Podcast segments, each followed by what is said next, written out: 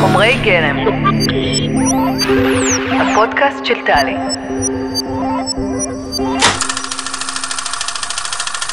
מאי 1973. אני קונה מצלמה. אני רוצה להתחיל לצלם בעצמי ולעצמי. הקולנוע המקצועי חדל לעניין אותי. אני רוצה למצוא משהו שונה, אחר, מעל הכל באלמוניות. נדמה לי שיעבור זמן רב עד שאדע לעשות את זה.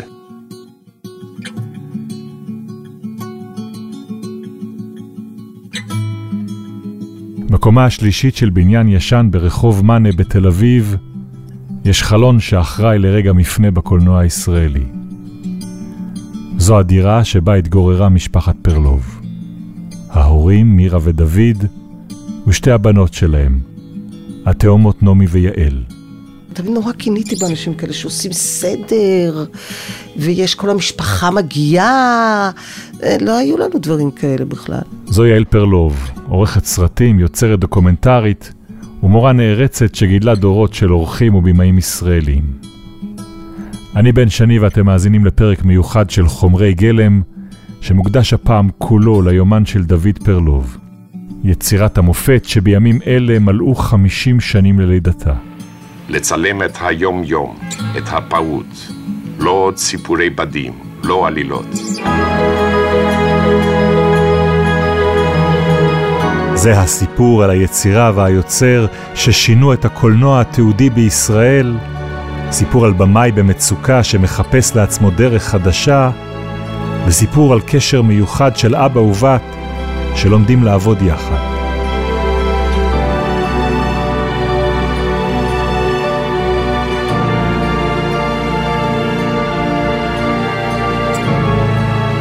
פרק ראשון, ברזיל. תראה, אבא שלי זה מהגר. אה, מהגר שבא ממשפחה די קשה. דוד פרלוב נולד ב-1930 בריו דה ז'נרו. אבא שלו, בחור צעיר בן 17, הוא קוסם שמופיע בקרקס, נעדר לתקופות ארוכות מהבית. האימא שמתמודדת לבדה עם עוני וגידול של שני ילדים, מתפרנסת בקושי מעבודה כרוכלת. ראיתי תמונה של הסבתא הזאת שלי, שהיה מתחת שני איקסים. כי היא לא חתמה, היא לא ידעה לחתום, אז היה פורטרט שלה, ומתחת היו שני איקסים. ככה היא חתמה. ככה היא חתמה, כן. הסבא של פרלוב שחי בסאו פאולו, מגיע לבקר את האם והילדים שעברו בינתיים לגור בבלו אוריזונטה. הוא רואה את המציאות הקשה שבה גדלים נכדיו, ומציע לקחת אליו לעיר הגדולה את דוד. דוד היה שונה, היה גם משהו יותר מבוגר. כאילו איש אה, כבר לא ילד, אנחנו עוד היינו קצת ילדים. זו מירה, בת למהגרים יהודים שברחו מפולין לברזיל כשפרצה מלחמת העולם השנייה. כשהוא בא מבל אוריזונטית, ממצב כלכלי עני, אביו היה קוסם, האימא אה, הייתה אישה קצת פרובלמטית, אנאלפביתית, זה לא קורה כל כך הרבה במשפחות יהודיות, וגם קוסם לא כל כך אופייני ליהודים. אז הם היו קצת, אה, זאת אומרת, זה לא הייתה משפחה שיכלה להתאים למשפחה בורגנית שלי. מירה צעירה מדוד בשלוש שנים. היא פוגשת אותו בסניף של תנועת הנוער הציונית דרור. גבוה, שיער מסולסל, קצת ג'ינג'י, אבל לא ממש ג'ינג'י לגמרי, עיניים אה, כחול ירוק. כשאני הכרתי אותו היה לו שפם. אני חשבתי שהוא גבר מאוד יפה, מאוד מושך. שני הצעירים, מירה ודוד, עוד לא יודעים שהם מתחילים מסע משותף שיימשך כל חייהם, ושאת כל אורכו גם תלווה יצירה. אני חושבת שהוא התחלק לאומנות במקרה. איך? אה, דרך אה, צייר מאוד חשוב בברזיל, שמואל עזר סגל, יש לו מוזיאון ענקי בסן פאולו, והוא נהיה אסיסטנט שלו. דוד ומירה עובדים בסטודיו של עזר סגל, דוד כאסיסטנט שרוצה ללמוד מהצייר המפורסם, ומירה כמודלית לציוריו. ב-1952 הם נפרדים מסגל ומברזיל, ועולים על אונייה שמפליגה מזרחה. הכיוון הכללי, להצטרף לקיבוץ שמקימים חבריהם בישראל. הוא רוצה לעלות לארץ, הוא מגיע באונייה לפריז, ונשאר שש שנים בפריז, עובד בסינמטק. בתחילה הסינמטק של פריז הוא רק מקום עבודה. פרלוב עדיין חולם להתמקצע כצייר לפני שיעלה לישראל. כשהוא הגיע לפריז בדרך לארץ הוא פתאום נדבק בחיידק הזה של הקולנוע. אהבת הקולנוע אמיתית כזאת, הוא יושב בית קולנוע קטן כזה ורואה סרטים, זה לאכול סרטים, נו, מהבוקר עד הערב. פריז, העיר שבה נולד הקולנוע, היא בירה עולמית של האומנות החדשה. והסינמטק שבו פרלוב עובד, מנקז אליו סרטים מכל העולם. נורות אייזנשטיין, מה זה דברים מדהימים. קולנוע יפני, קולנוע, את uh, הקולנוע של uh, סטיה ז'יטרה, הוא רק, הוא סיפר לי, כן, כן, את כל הקולנוע שאנחנו יכולים לדמיין הוא ראה. קולנוע איראני. מפריז פרלוב שולח מכתב לברזיל, למנטור שלו, הצייר לזר סגל. אני בפריז כבר שישה חודשים. מתבונן סביבי ולא מפסיק ללמוד. אבל עמוק בתוכי מקנן בי פחד שהציורים שלי לא טובים מספיק. שעליי להתמקד במשהו אחר, ששונה מאומנות גבוהה.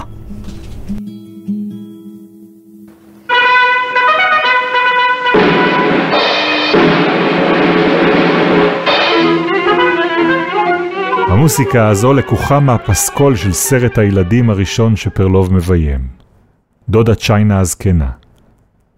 ב-1958, אחרי שש שנים של אכילת סרטים בפריז, דוד ומירה מחליטים לחזור אל החלום שאיתו הפליגו מברזיל. פרק שני, קיבוץ. הלכתי לארץ הזאת, ל-Promised Land, זה לארץ המובטחת. זאת הייתה כן עלייה למעין אוטופיה. הגאולה לכל.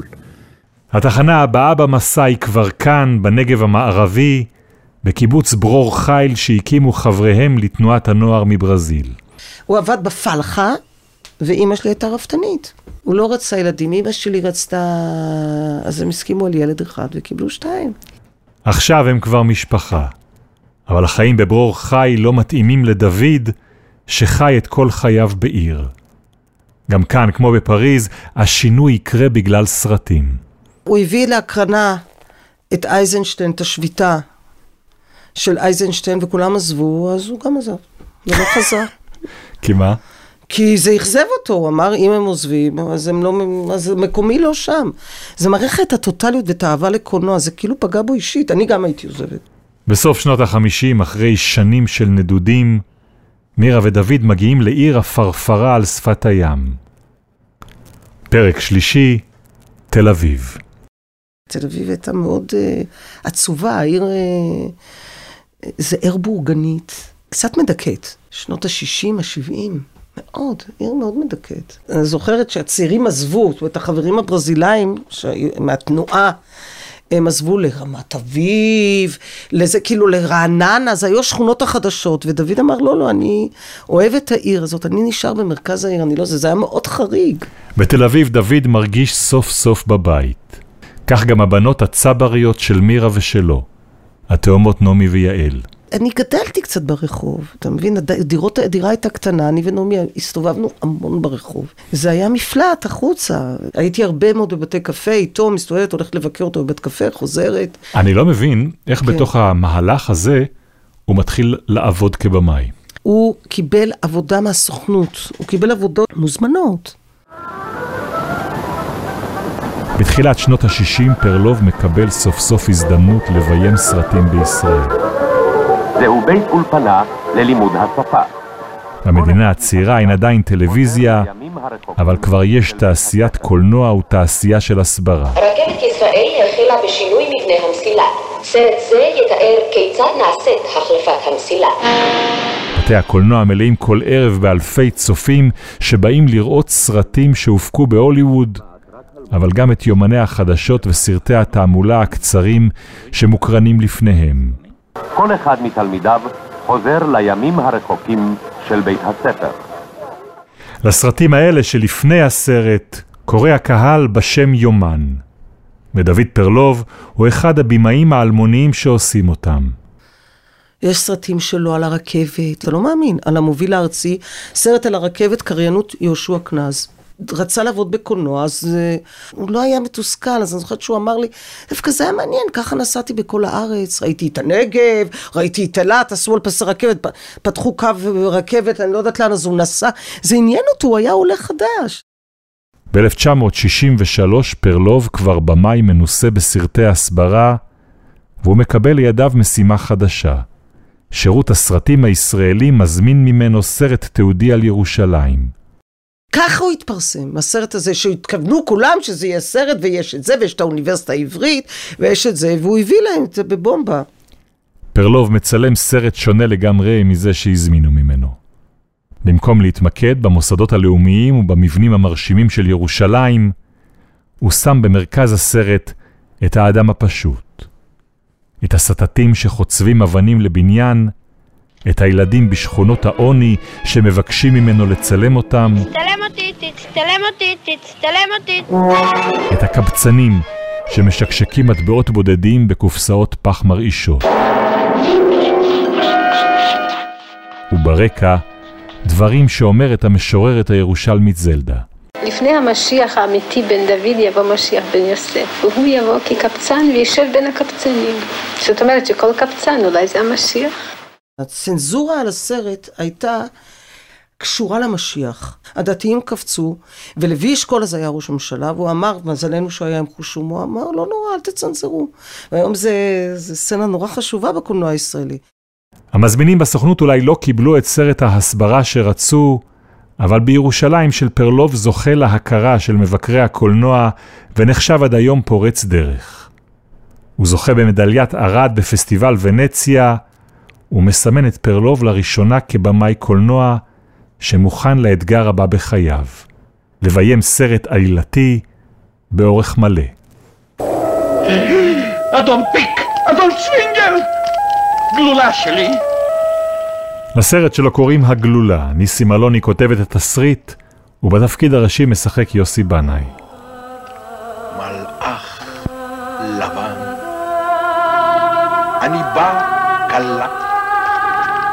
אבל הקהל הישראלי לא יודע איך לבלוע את הגלולה של פרלוב, והסרט שיוצא למסכים ב-1972 נוחל כישלון בביקורות וכישלון בקופות. אני גם זוכרת שפעם באתי לבית קולנוע וראיתי שהאולם ריק, זה נורא נורא זעזע אותי, ש... כי זה הוקרן בבית קולנוע בתל אביב. הלכת איתו? לא, לא. הכישלון של הסרט מביא את פרלוב לנקודת שפל. עכשיו יהיה לו קשה לגייס השקעה בסרט חדש, וגם סרטי הסברה כבר לא מזמינים ממנו. במציאות המורכבת הזו, יש כעת רק נקודת אור אחת. מאי 1973. אני קונה מצלמה. אני רוצה להתחיל לצלם בעצמי ולעצמי. הקולנוע המקצועי חדל לעניין אותי. נקודת האור של פרלוב היא מצלמת קולנוע קטנה שהוא קונה, שנקראת קנון סקופיק. זה דגם מיוחד שמייצרים בחברת קנון כדי לענות על הצורך של כתבים צבאיים לסקר באותם שנים את המלחמה בווייטנאם. היא נבנתה לכתבים בשטח, לכתבים צבאיים. כי היא הייתה קלה, הרי המצלמות היו כבדות, עשתה הרבה רעש, ובזה הוא השתמש.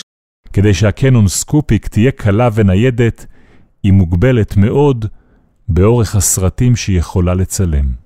המצלמה הזאת היא שלוש דקות ועשר שניות. זהו, היומן הוא שלוש דקות ועשר שניות. כל שלוש דקות ועשר שניות מחליפים לבד, מהפיט, אז אתה בעצם הכל כבר מצלם, אה, הכל כבר ערוך. כל מה שאתה מצלם ייכנס ליומן. כן. כחומר גלם יקר. כן. מה אתה עושה עם סאונד? אז הסאונד היו טייפ קסטות כאלה. אה, את היית מחזיקה את טייפ הקסטות כשהוא מצלם? כן. הצילום הראשון שלי, השני, אני גר בקומה השלישית, גובה מתאים. פרלוב בודק את היכולות של ה Canon Scoopic. הוא בוחר לצלם מחלון הדירה בתל אביב, מכוון את המצלמה החוצה אל המרפסות בבניין שממול ואל הרחוב שלמטה. אני מוסיף צליל.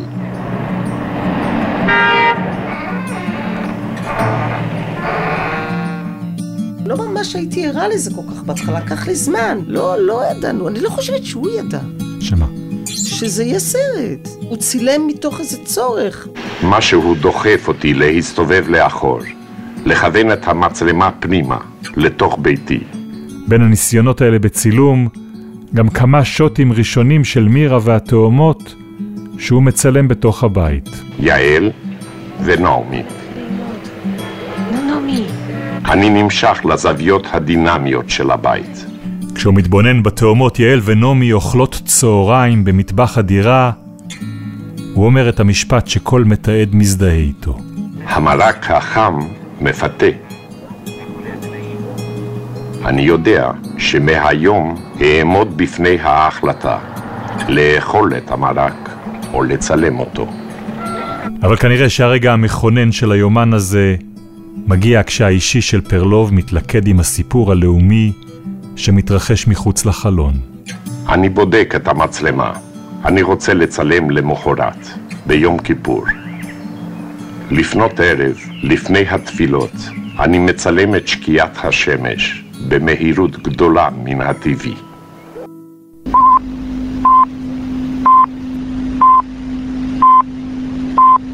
כאן שידורי ישראל מירושלים ברשת א' וב', שלום רב וגמר חתימה טובה. השעה שלוש. דובר צה"ל מוסר כי סמוך לשעה שתיים פתחו הכוחות המצריים והסוריים בהתקפה בסיני וברמת הגולן. בשל פעולות מטוסים סוריים בגזרת רמת הגולן נשמעות צפירות בכל רחבי הארץ, שהן עולות ויורדות. אלה הן צפירות אמת.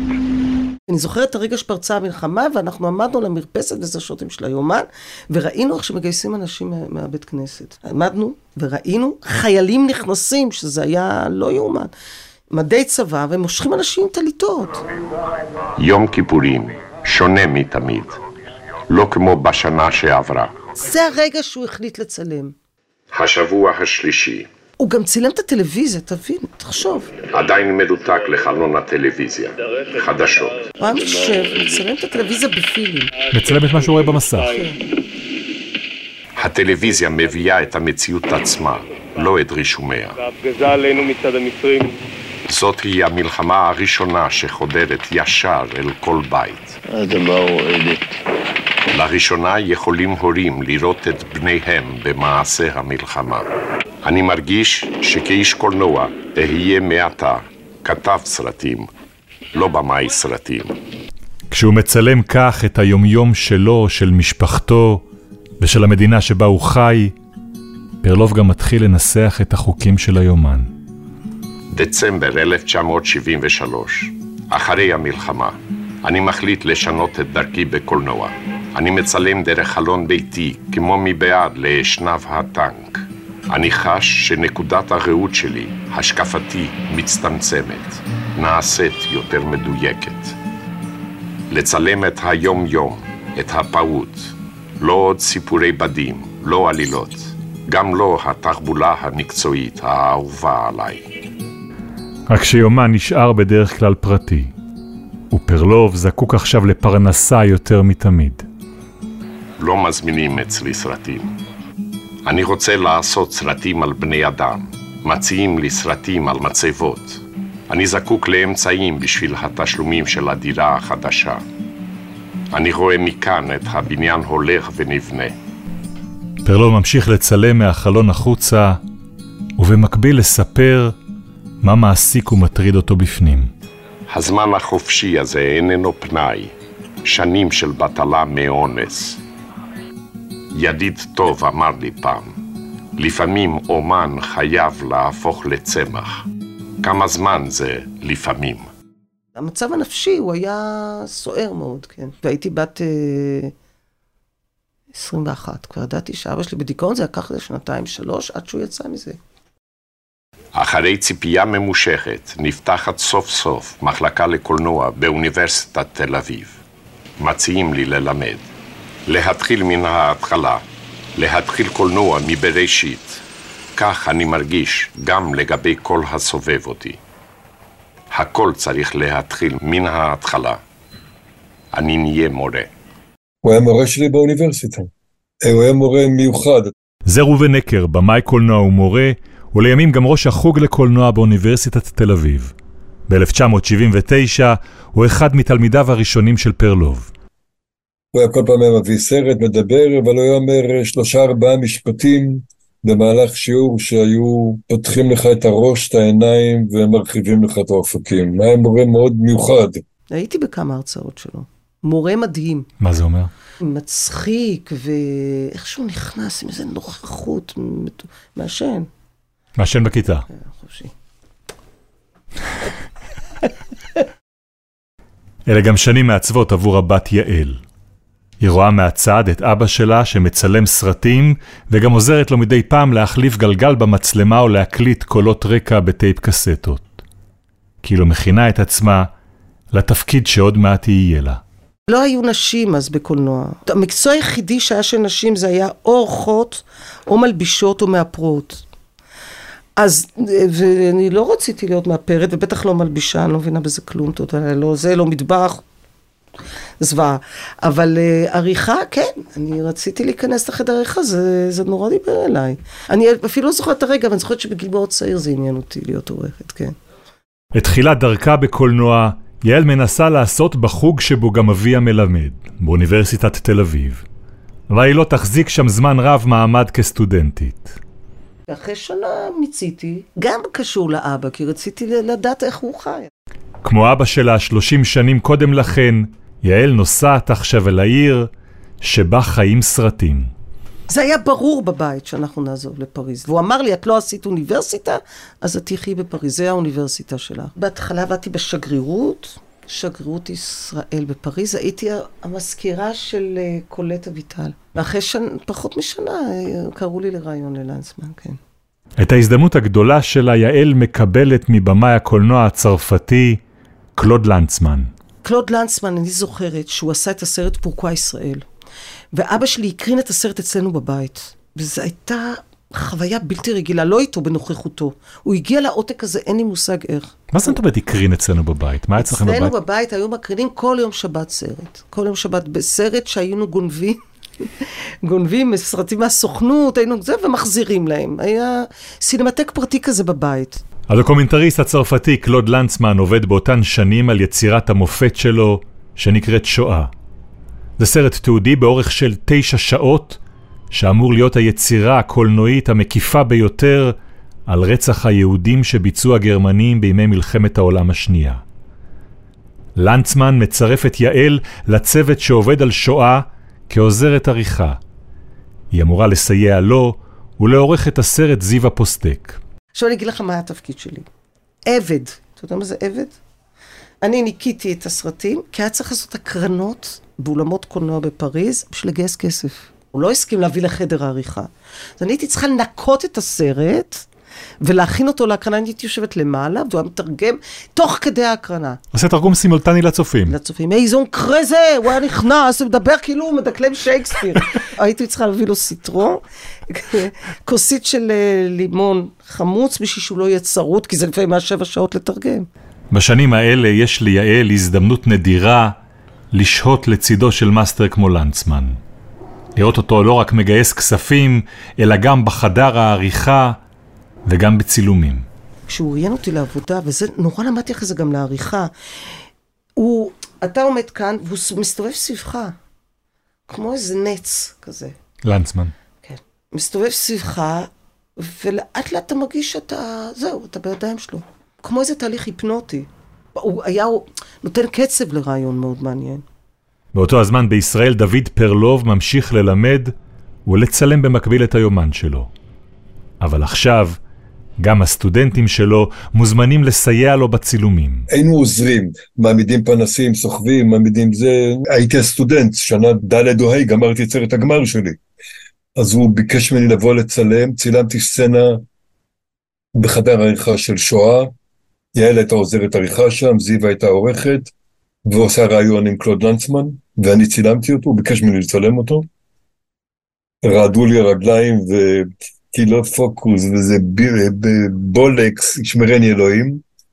מהקמת החוג לקולנוע באוניברסיטת תל אביב, בעצם היה רצף של עבודה תמיד עם תלמידים, אם זה כצלמים, אם זה כמקליטים, במקרה שלי כמפיקים. זה המפיק והיוצר הדוקומנטרי לירן עצמור, גם הוא סטודנט של פרלוב, שבאותם ימים כבר מתגבשת סביבו סצנה של סטודנטים ומעריצים.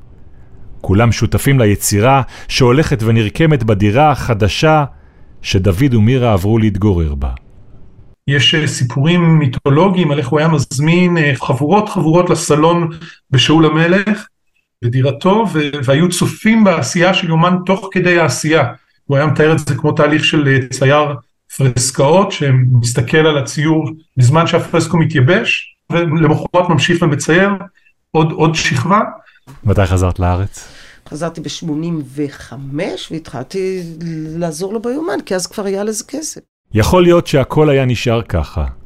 יומן קאמרי שמצטלם במשך שנים בדירה קטנה בתל אביב, ומוקרן לחברים ומעריצים בסלון, ואולי מגיע בסוף גם לסינמטק בפריז. אבל אז מתרחש משהו שישנה את חייו המקצועיים של פרלוב. וזה קורה דווקא בטלוויזיה ודווקא בבריטניה.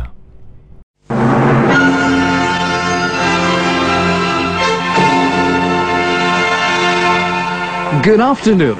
It's a pleasure to be able to say to you, welcome to Channel 4. ב-1982 מתחיל לשדר בבריטניה ערוץ טלוויזיה חדש, ערוץ 4 הבריטי. זה הוקם כאיזה רשת טלוויזיה שונה, שונה לא מסחרית. ערוץ 4 אמור להתחרות ב-BBC, לשדר תוכן איכותי המנותק משיקולים של רייטינג. מנהליו מחפשים באותם ימים יצירה תיעודית מקורית שתשודר בערוץ.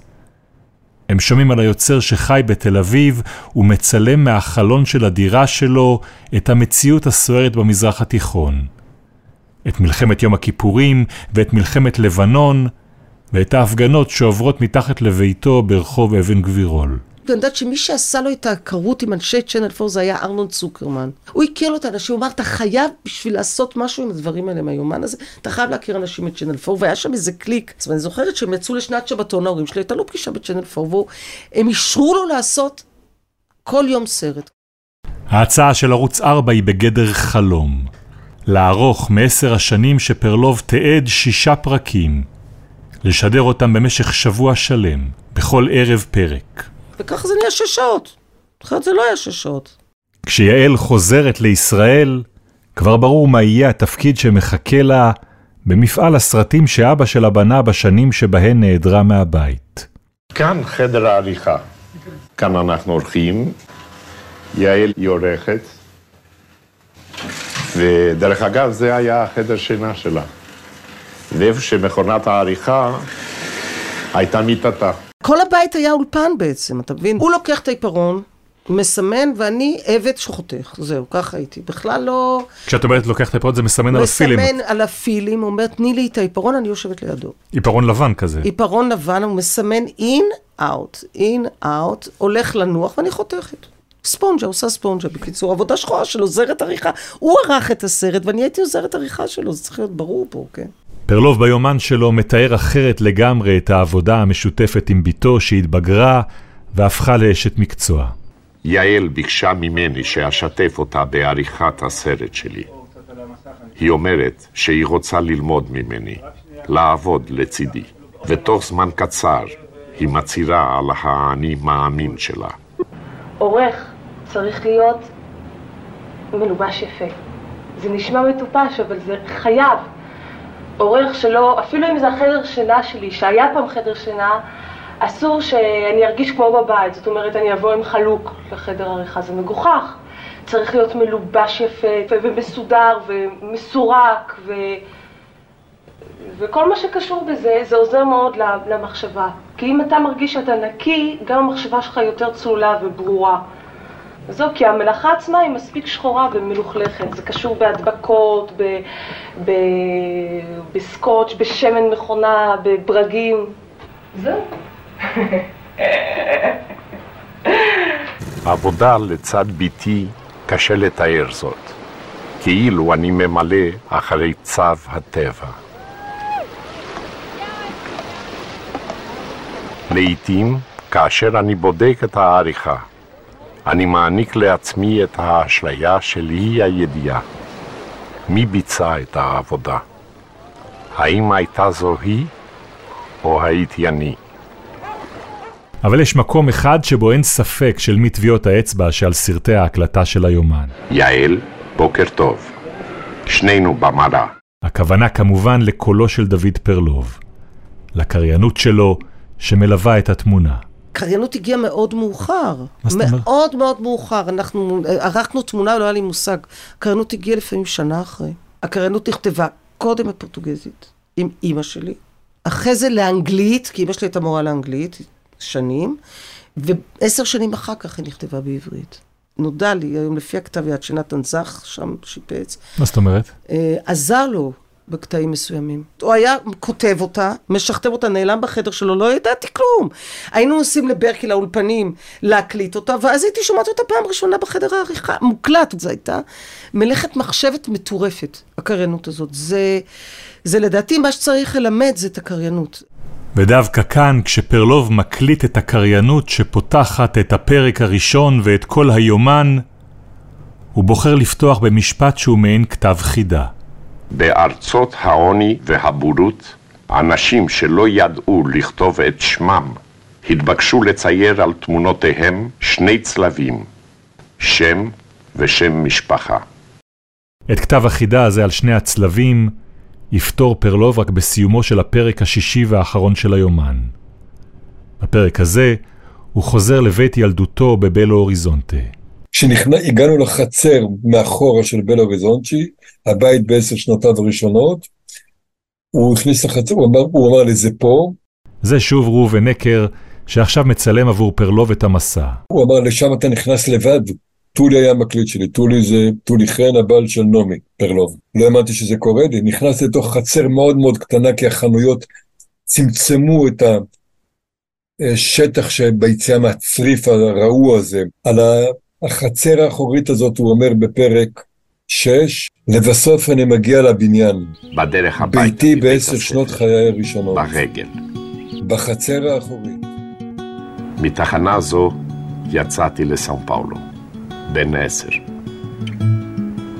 אמי הייתה כאן להיפרד ממני. היא רצה אחרי הרכבת, על הפסים, מנופפת לשלום, אבל לא יכלה להשיג אותי. ולבסוף אני מגיע לבניין. ביתי בעשר שנות חיי הראשונות, בחצר האחורית, נסתר מן העין. מחלת רוח, צחוק ועוד צחוק, מילים גסות של אולם הביליארד. טרגדיה, העכברים מתרבים מלילה ללילה. רציתי לעזוב למחרת. פרק 6 נגמר, הוא מצלם את הקבר של אמו.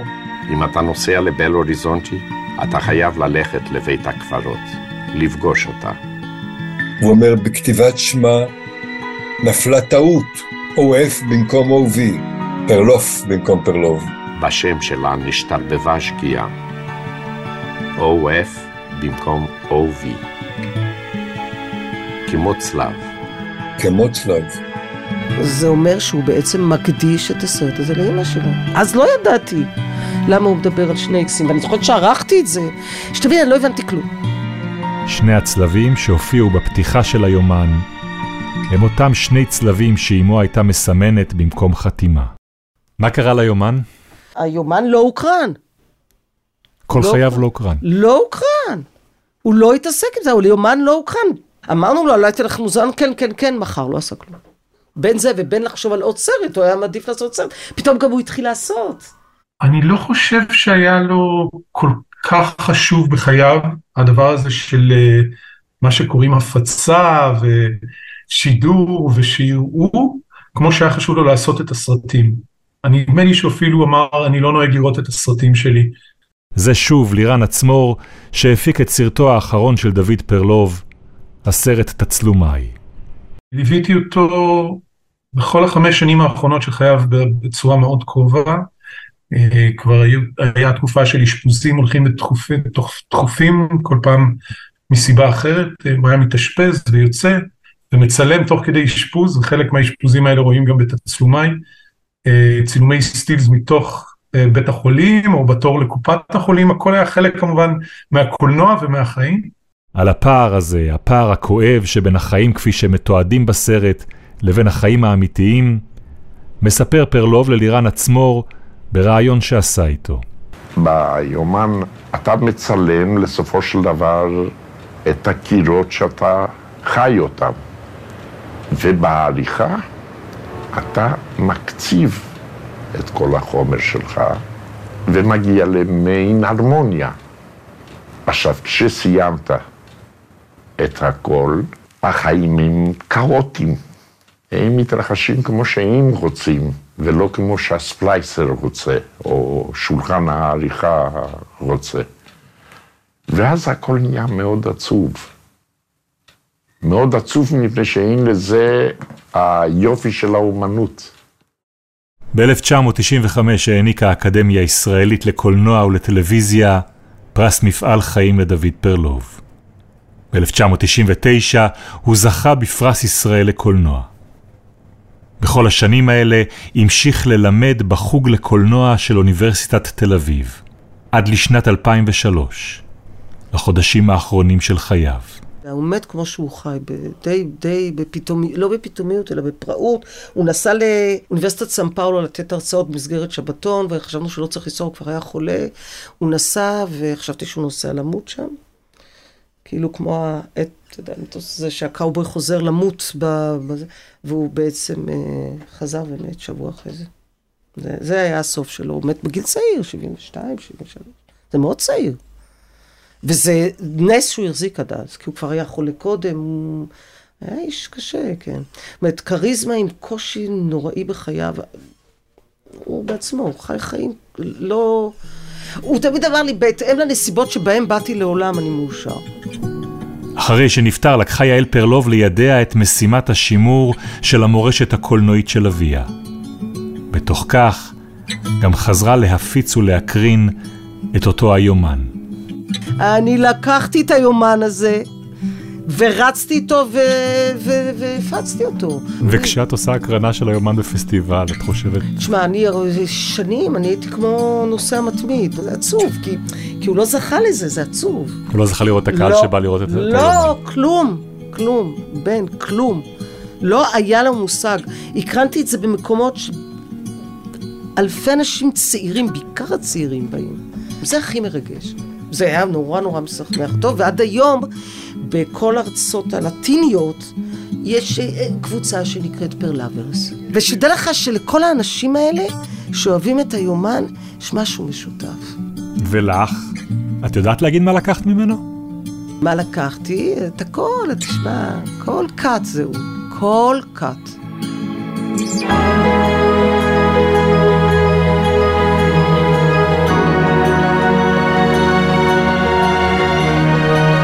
כל פרקי היומן של דוד פרלוב אפשר לראות באתר וימאו. תודה מיוחדת לרותי ולק וללירן עצמור על ההקלטות של דוד ומירה פרלוב ששולבו בפרק.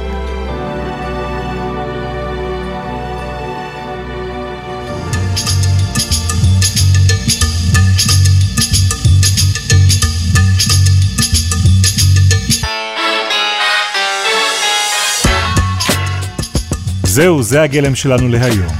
עורכת את הפודקאסט דפנה יודוביץ'. את עריכת הפסקול והמוסיקה המקורית לפרק הזה חיבר יונתן שני. חומרי גלם הוא הפודקאסט של טלי, חברת התמלוגים של יוצרות ויוצרי הקולנוע והטלוויזיה בישראל. בקרוב נחזור לכאן במתכונת הרגילה שלנו, ועד אז ממני בן שני, תודה לכם ולכן על ההאזנה.